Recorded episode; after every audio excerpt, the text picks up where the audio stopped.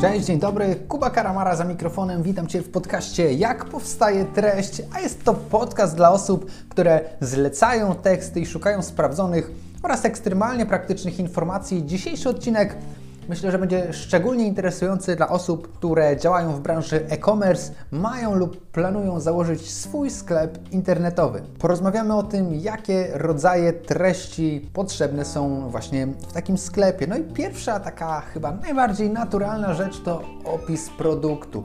Warto zainwestować w dobre opisy produktów, ponieważ pełnią one rolę takiego sprzedawcy. Yy, tak jak w sklepie stacjonarnym mamy sprzedawcę, którego można o wszystko zapytać, no tak tak samo powinien działać opis produktu, czyli musi być kompletny, wyczerpujący, ale też z drugiej strony nie za długi, żeby nie zanudzić odbiorcy. Musi odpowiadać na wszystkie jego pytania, rozwijać wątpliwości, no i razem z dobrymi zdjęciami doskonale w pełni prezentować produkt. Oczywiście musi być też zoptymalizowany pod SEO, żeby był dobrze widoczny w Google. Dalej mamy opisy kategorii i jest to taki element, od którego warto zacząć tworzenie treści w sklepie internetowym. A co ciekawe, czy może raczej smutne. Mm, wiele osób zupełnie pomija ten aspekt, tworzy te opisy bardzo słabe albo w ogóle ich nie tworzy, gdzieś tam ukrywa.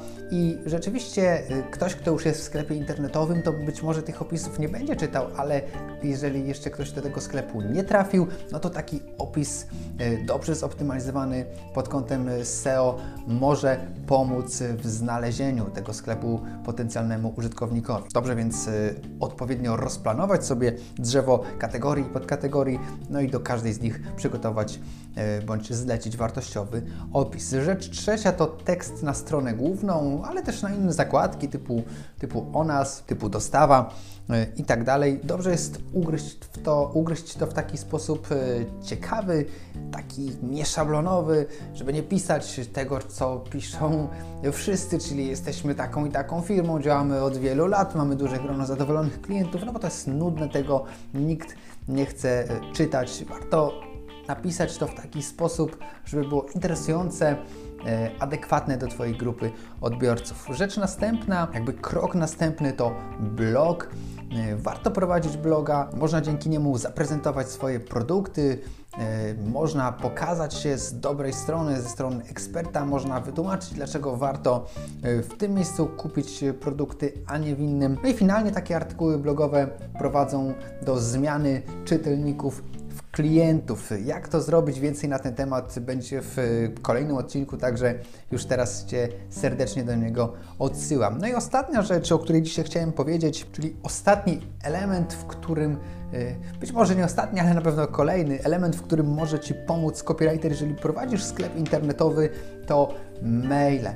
I tutaj y, podobna sytuacja jak z treściami do zakładek na stronie, w, w Twoim sklepie. Możesz przygotować tradycyjne maile, y, takie w stylu Twoja paczka jest w przygotowaniu i tak dalej, a możesz zrobić to w sposób ciekawy, w sposób unikalny, oryginalny, taki, który zapadnie w pamięć Twojemu klientowi. Warto wdrożyć to u siebie, warto to sprawdzić, y, bo doświadczenia y, Twojego klienta są wówczas zupełnie inne. Y, przyjemniej robią mu się te zakupy, bardziej zapadasz mu w pamięć, on chętnie o Twoim sklepie opowiada innym, więc masz z tego same korzyści. I to jest takich pięć podstawowych miejsc, w których copywriter może Ci pomóc, jeżeli masz sklep internetowy. A jeżeli Ty masz problem ze znalezieniem swojego copywritera, no to pamiętaj, że na stronie techforseo/ebook znajduje się bezpłatny e-book zatytułowany Jak zlecać teksty, żeby się nie denerwować. Zachęcam Cię do jego sprawdzenia i do usłyszenia w kolejnych odcinkach podcastu. Pozdrawiam!